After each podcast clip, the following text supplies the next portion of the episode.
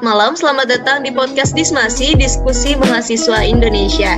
Nah, podcast ini merupakan kegiatan diskusi tanya jawab yang berlangsung kurang lebih dari 15 menit bersama dengan narasumber dengan berbagai pengalamannya serta memberikan motivasi kepada kita selaku calon uh, sarjana Kesmas nantinya. Dan kegiatan ini juga diinisiatifkan oleh ISM KMI Wilayah 1. Buat teman-teman, diskusi ini akan menjadi tempat atau platform mengenai isu mahasiswa khususnya mahasiswa kesehatan masyarakat. Sebelum kita berbincang dengan narasumber kita, ada baiknya saya memperkenalkan diri terlebih dahulu. Saya Yusnita Wulandari dari Badan Khusus Siaga Bencana atau BKSB, Wilayah 1 ISM KMI periode 2021-2022. Dan juga saya sebagai moderator pada episode kita kali ini. Sobat Kesmas, pasti sobat semuanya sudah tidak sabar lagi. Di podcast kita pada kali ini, kita akan membahas mengenai apa sih? Oleh karena itu, di podcast Dismasi ini, kita akan membahas mengenai perempuan. Yang lebih spesifiknya lagi, kita akan membahas mengenai siapa bilang perempuan gak bisa menjadi pemimpin di mana paradigma-paradigma orang yang berbeda-beda sehingga terkadang kita sebagai perempuan mengalami diskriminasi gender, seolah-olah mengatakan perempuan itu tidak cocok sebagai pemimpin. Akan tetapi, sekarang sudah di zaman yang semua bisa dilakukan oleh semua orang dan seharusnya kesenjangan itu sudah tidak ada lagi. Oke, nggak usah lama-lama lagi, kita akan berbincang dengan perempuan-perempuan yang hebat dan juga berpengalaman dalam menjadi seorang pemimpin. Here we go. Sebelum itu, pada episode keempat ini, kita ada yang berbeda dari episode-episode sebelumnya. Pada kali ini, kita tidak hanya kedatangan satu narasumber saja, tapi kita kedatangan dua narasumber yang cantik-cantik. Sebelumnya, izinkan saya untuk uh, menyapa narasumber hebat kita. Di sini sudah ada Kak Egi Anandika Putri SKM. Beliau merupakan Demisioner Korwil periode 2018-2019. Halo Kak Egi. Ya, halo Yusnita. Halo Kak, gimana kabarnya Kak? Alhamdulillah baik. Alhamdulillah, semoga selalu sehat dan bahagia selalu ya kak. Uh, gimana kak kesibukannya di tengah masa pandemi COVID-19 seperti saat ini kak? Uh, kesibukannya sekarang alhamdulillah hmm, sibuk di kerja aja sih kerja di karena ditempatin di Bengkalis ya di Kabupaten Bengkalis di Provinsi Riau uh, fokus ke program eliminasi TBC di Kabupaten Bengkalis. Oh, masya Allah, sangat produktif banget memang narasumber kita pada malam hari ini. Uh, Isnita juga akan menyapa narasumber kita yang kedua. Di sini sudah ada Kak Hoirunisa SKM. Beliau juga merupakan demisioner Korwil periode 2019-2020. Halo, selamat malam Kak Hoirunisa. Bagaimana kabarnya Kak? Malam, Yusnita. Alhamdulillah sehat. Alhamdulillah. Gimana nih Kak kesibukannya di tengah masa pandemi COVID-19 seperti saat ini Kak?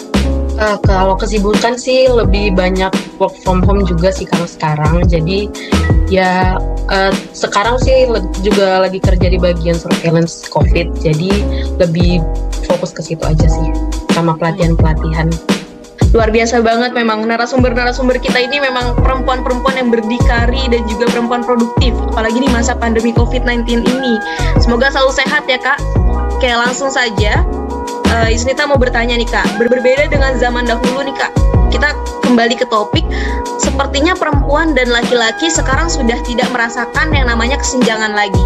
Namun pada kenyataannya, jika melihat jumlah pemimpin di dunia dan juga menteri-menteri di Indonesia dalam posisi pekerjaan maupun rekrutmen eh, lowongan ketenaga kerjaan, sebenarnya masih ada kesenjangan atau ketidaksetaraan gender. Sehingga hal ini menimbulkan salah satu pertanyaan besar bagi kita. Apakah kesetaraan adalah ilusi semata dan apakah sebenarnya perempuan itu bisa menjadi seorang pemimpin? Mungkin uh, bisa ditanggapi oleh Kak Egi terlebih dahulu. Dipersilahkan Kak Egi. Baik, terima kasih Snita untuk uh, pertanyaan yang pertama itu terkait uh, kesetaraan gender ya. Sebenarnya kesetaraan gender sendiri bukan ilusi aja sih. Maksudnya uh, bukan hanya ilusi, itu tuh sebenarnya bukti nyata bahwa sudah ada kesetaraan gender. Maksudnya semua baik itu atau laki-laki itu tuh berhak untuk mendapatkan apa pun hak-haknya. Nggak ada perbedaan oh dia laki-laki dia perempuan itu nggak ada perbedaan di situ. Cuman mungkin uh, hanya sampai detik ini perempuan masih belum berani untuk menunjukkan oh ini loh aku perempuan aku bisa gitu. Nggak semua perempuan yang berani untuk itu. Makanya orang-orang berpikiran bahwa kesetaraan gender itu hanya ilusi aja gitu.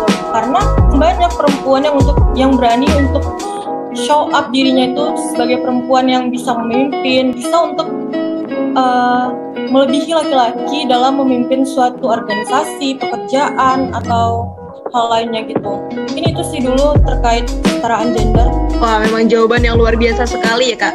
Dan mungkin kita bisa lanjut ke narasumber yang kedua kita. Ada kak Hairunisa mungkin bisa ditanggapi kak? Iya baik, uh, sepakat sih dengan narasumber yang pertama tadi dari Kak Egi ya. Uh, beliau juga merupakan senior nih di SMKMI.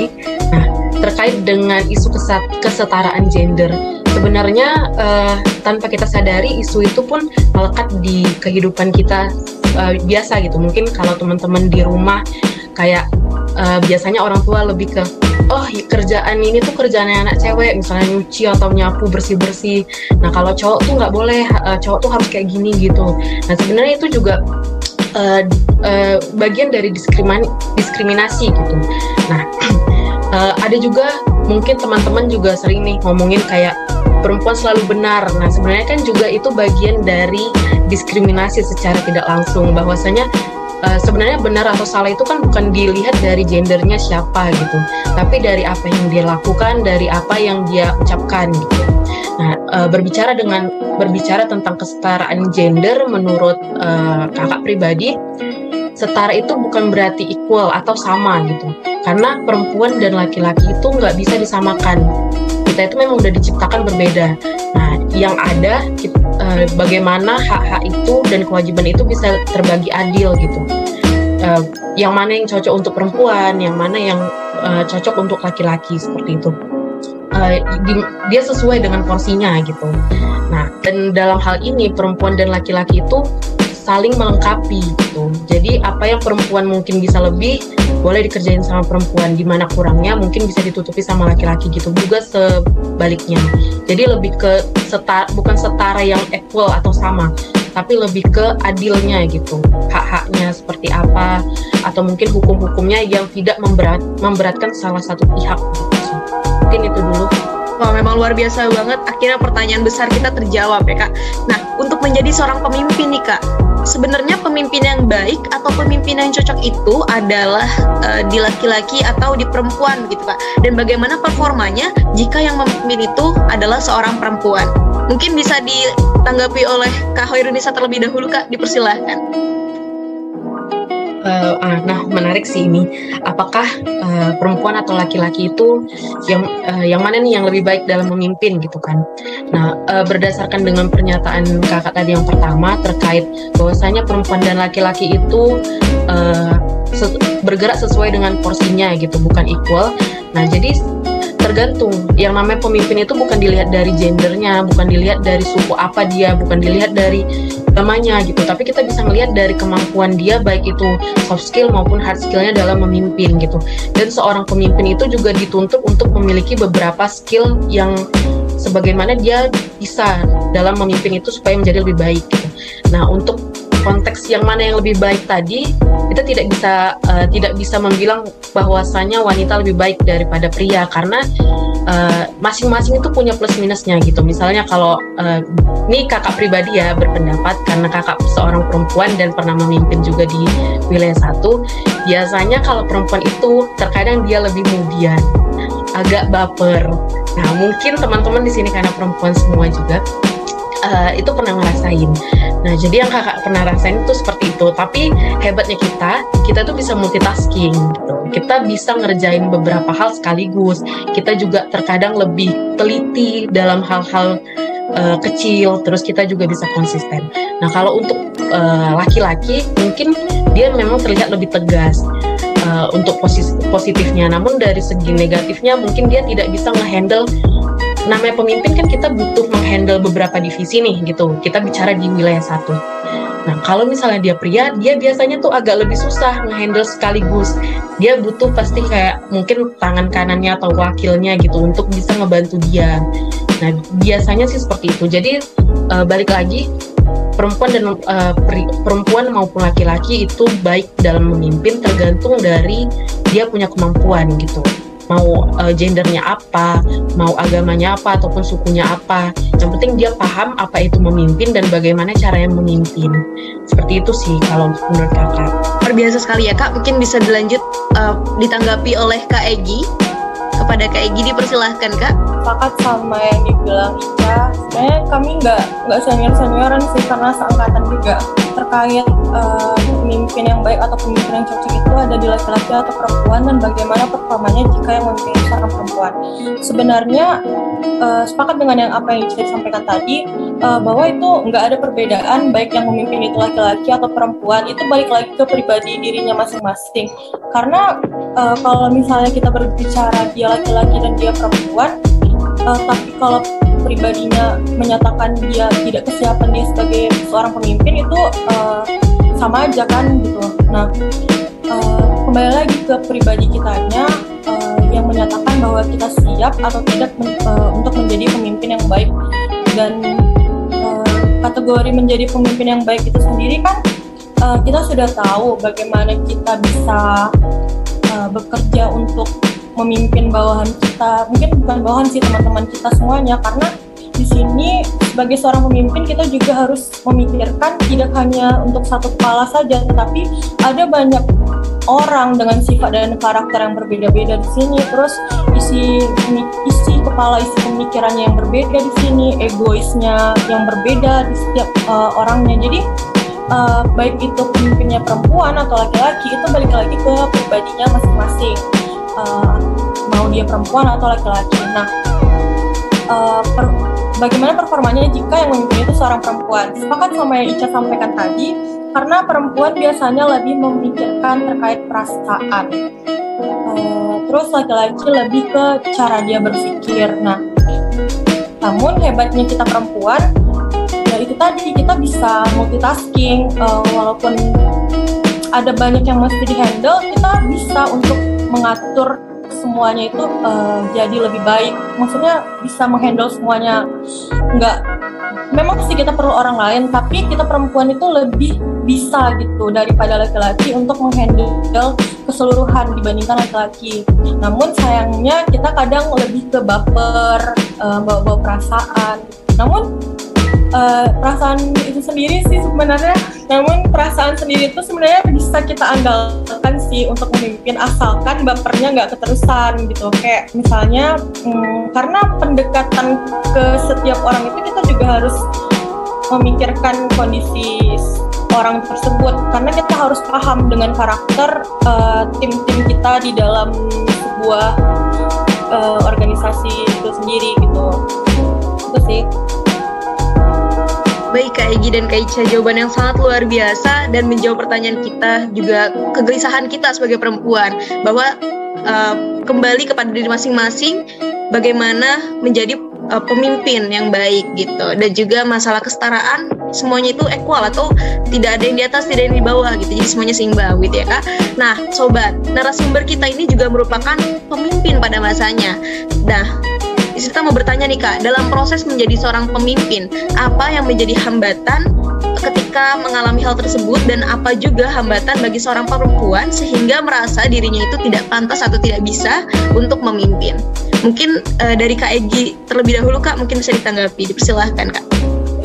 Uh, terkait uh, proses kita menjadi pemimpin, terus hambatan yang dialamin sebenarnya kalau di konteks wilayah satu sendiri uh, yang dialami itu ya yang pertama tadi masalah terkait beda-beda pendapat itu sih. Kita harus misalnya kita punya pendapat tapi pendapat yang lain itu juga ada gitu. Nah kita harus bisa memanage memanage uh, semua pendapat tersebut untuk bisa menjadi sebuah keputusan yang baik. Karena kan uh, di sini nggak bisa kita mementingkan ego kita sendiri di dalam suatu organisasi. Terus yang kedua hmm, kita sebagai seorang perempuan kadang kita memiliki egois dan perasaan kita yang harus kita lebih pentingkan gitu. Namun uh, hal tersebut tentunya harus kita lebih rendahkan gitu karena konteksnya perempuan kita harus uh, konteksnya kita perempuan kita juga sebagai pemimpin kita harus harus memikirkan pemikiran orang yang banyak nggak bisa hanya pemikiran kita sendiri dan perasaan kita sendiri ke permasalahan pribadi dan personal yang kadang hal tersebut membuat ya namanya perempuan kadang juga pasti bad mood gitu kan. Uh, hal itu yang kadang menjadi hambatan-hambatan kita ag kadang agak tersendat di bukan tersendat sih kadang jadi males jadi mager untuk ngerjain suatu hal gitu cuman itu tadi balik lagi ke diri kita sendiri uh, gimana kita bisa menghandle agar hal-hal tersebut bisa kita atasin nggak melibatkan masalah pribadi ke dalam uh, sebuah organisasi yang kita pimpin. Wah, terima kasih banyak Kak Egi atas jawabannya. Mungkin bisa dilanjutkan tanggapan dari Kak Ica. Bagaimana Kak Ica? Dipersilahkan. Nah, uh, kurang lebih sama sebenarnya sama yang dibilang sama Kak Egi ya.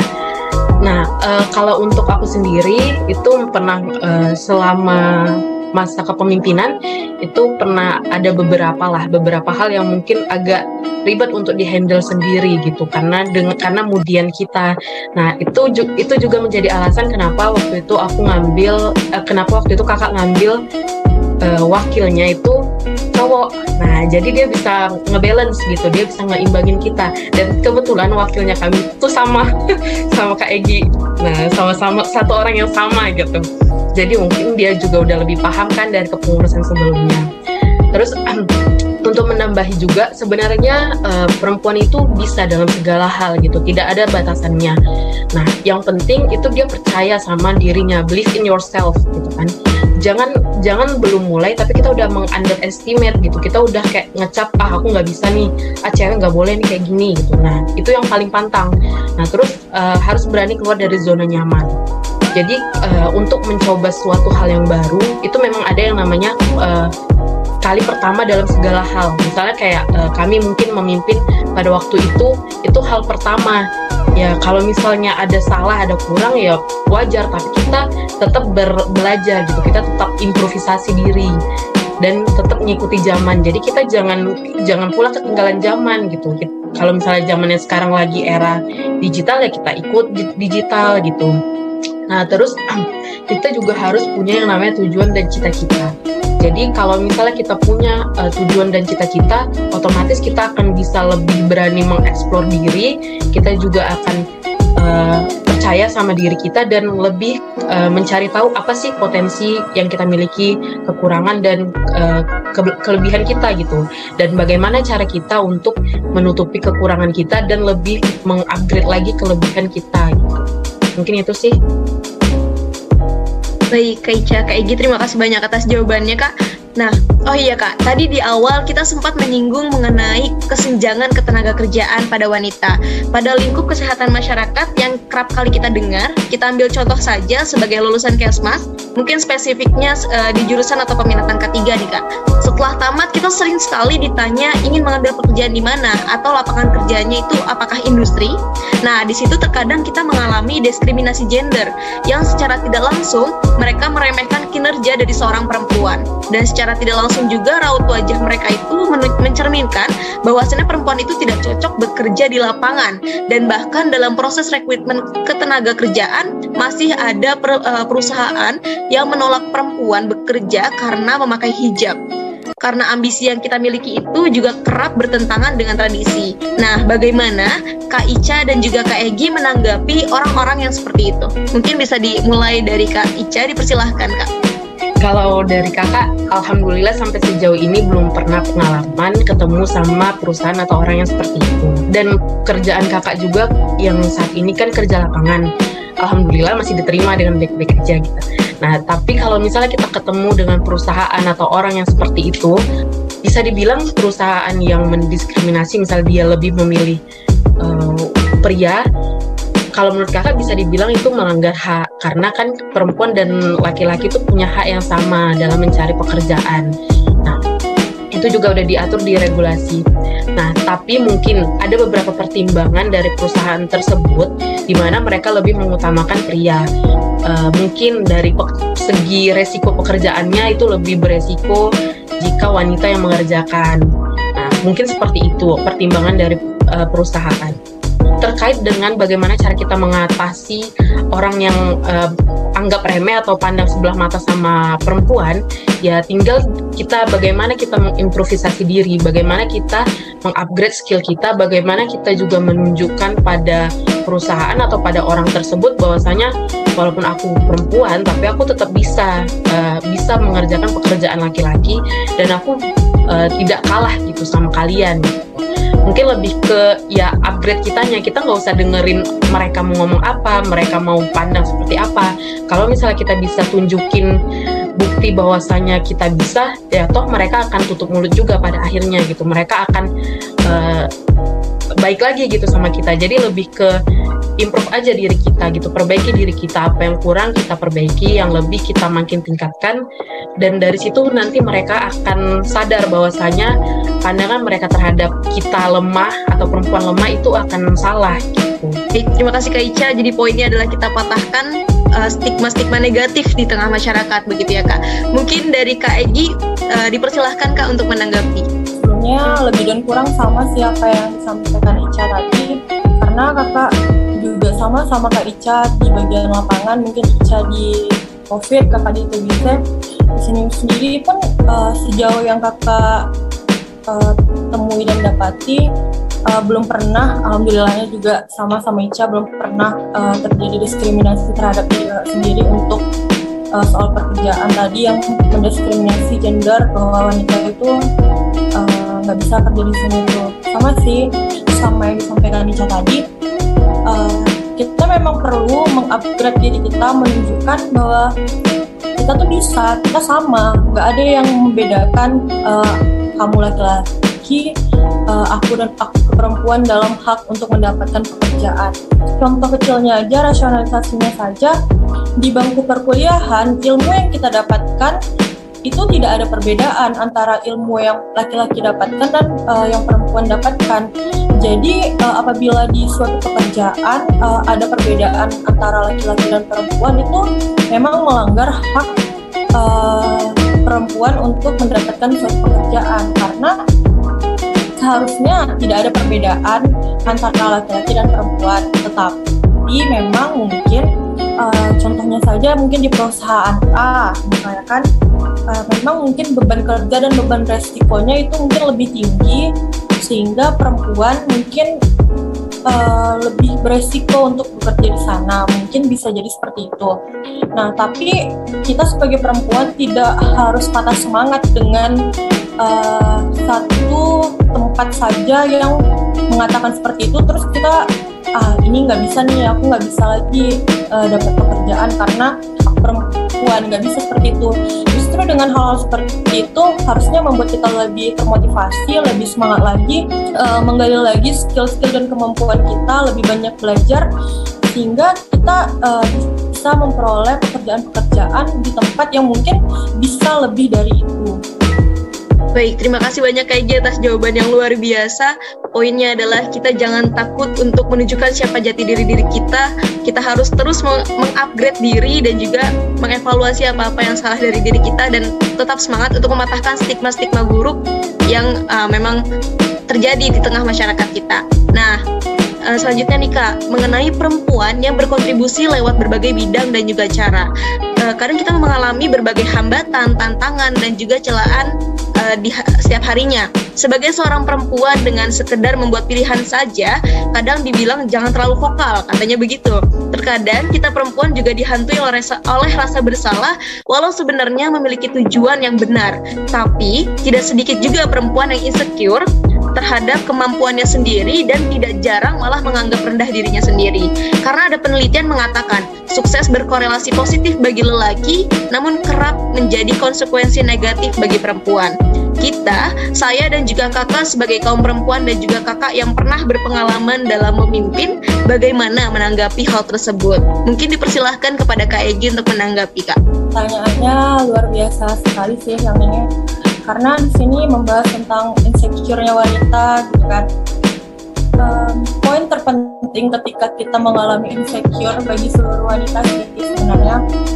Bukan hanya wanita tapi semua orang yang ada di dunia ini bahwa insecure itu bukan menjadikan alasan diri kita bahwa diri kita tuh lebih rendah dari orang lain. Justru dengan oh aku insecure nih dengan kelebihan orang lain itu bah uh, menjadi motivasi diri kita oh aku harus bisa menjadi lebih baik. Dan satu lagi jangan pernah meletakkan standar diri kita itu uh, adalah orang lain. Karena ketika orang lain terus mengupgrade dirinya menjadi lebih baik dan kita menjadikan dia standarnya itu kita akan terus-terusan menjadi insecure terhadap diri kita sendiri jadi uh, letakkanlah standar itu pada diri kita sendiri. Jadi dengan adanya diri kita, kita terus mengupgrade, mengupgrade diri kita terus, terus, terus, sehingga kita menjadi pribadi yang lebih baik lagi.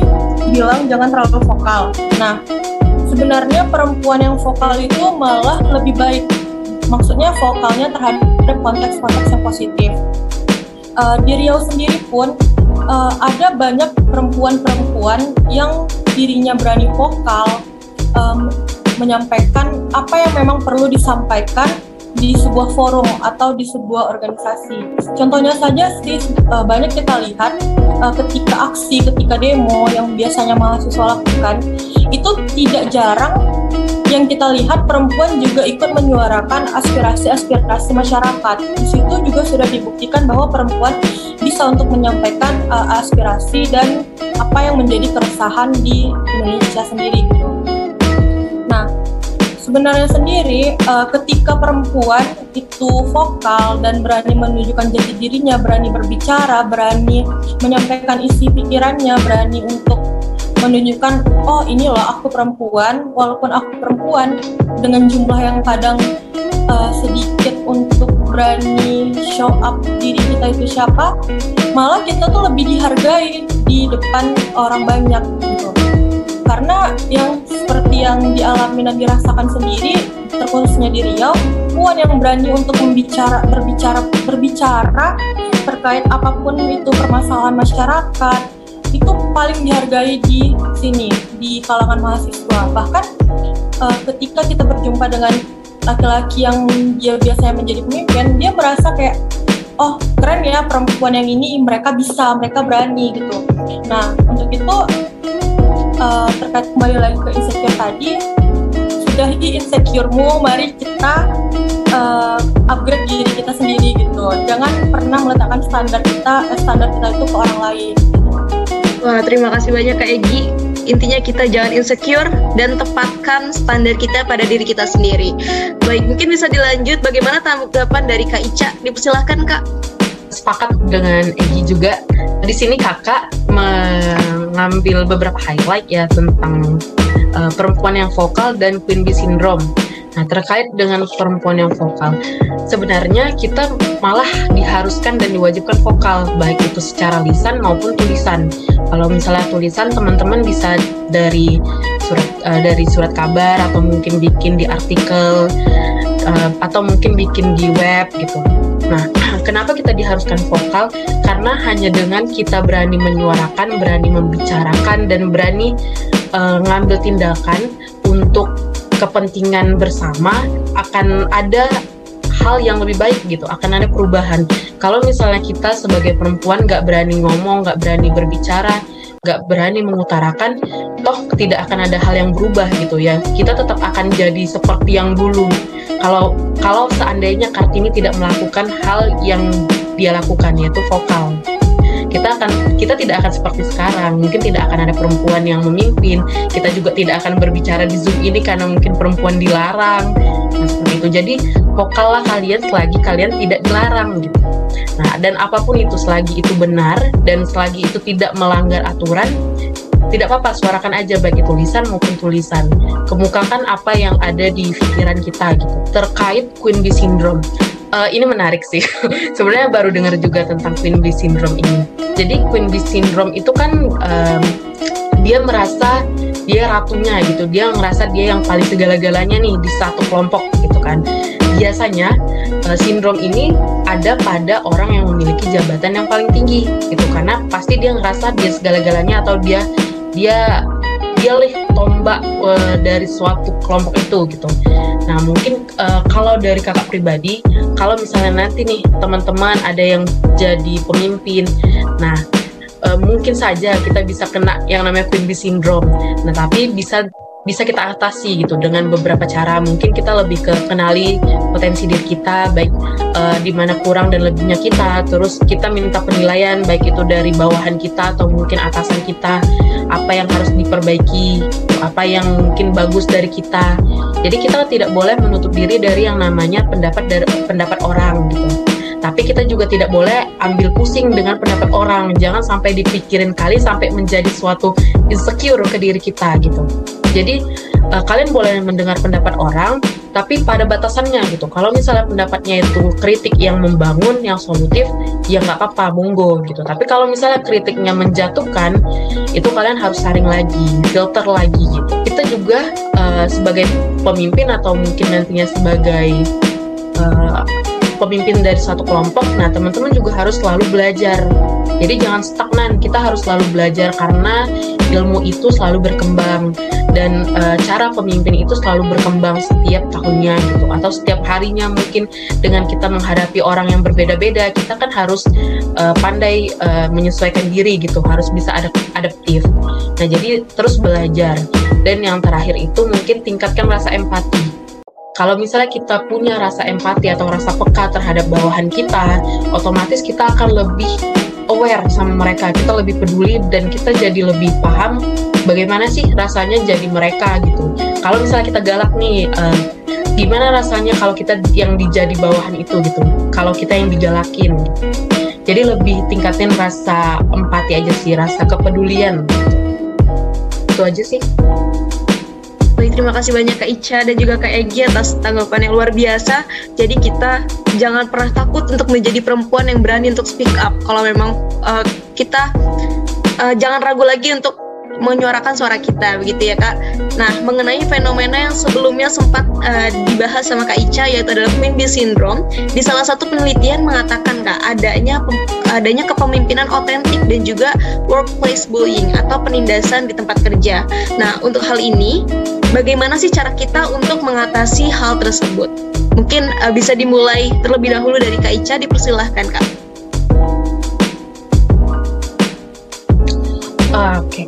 baik. Uh, bagaimana cara kita mengatasinya jika kita uh, terkena bullying ya tadi ya? Nah, kalau misal uh, kalau dari kakak pribadi itu lebih ke bagaimana kita mengimprove diri, bagaimana kita uh, sebenarnya kita tuh butuh juga loh ilmu cuek jadi kita kalau misalnya mereka kritikannya uh, menjatuhkan ya kita harus cuek aja gitu. Kita cuek. Tapi kalau misalnya mereka ngasih kritik kritikan yang solutif yang membangun ya kita nggak apa-apa mendengar mereka gitu. Jadi lebih ke uh, filter itu ada di diri kita gitu. Kalau misalnya kita mau dengar apa yang mereka bilang jelek terhadap kita terus kita mau jadi hancur itu kita yang buat mau kita jadi bangkit itu juga kita yang buat. Jadi uh, semua itu tergantung sama diri kita masing-masing gitu. Uh, nggak uh, peduli dengan orang sekitar mau bilang apa kalau kita emas ya tetap emas gitu.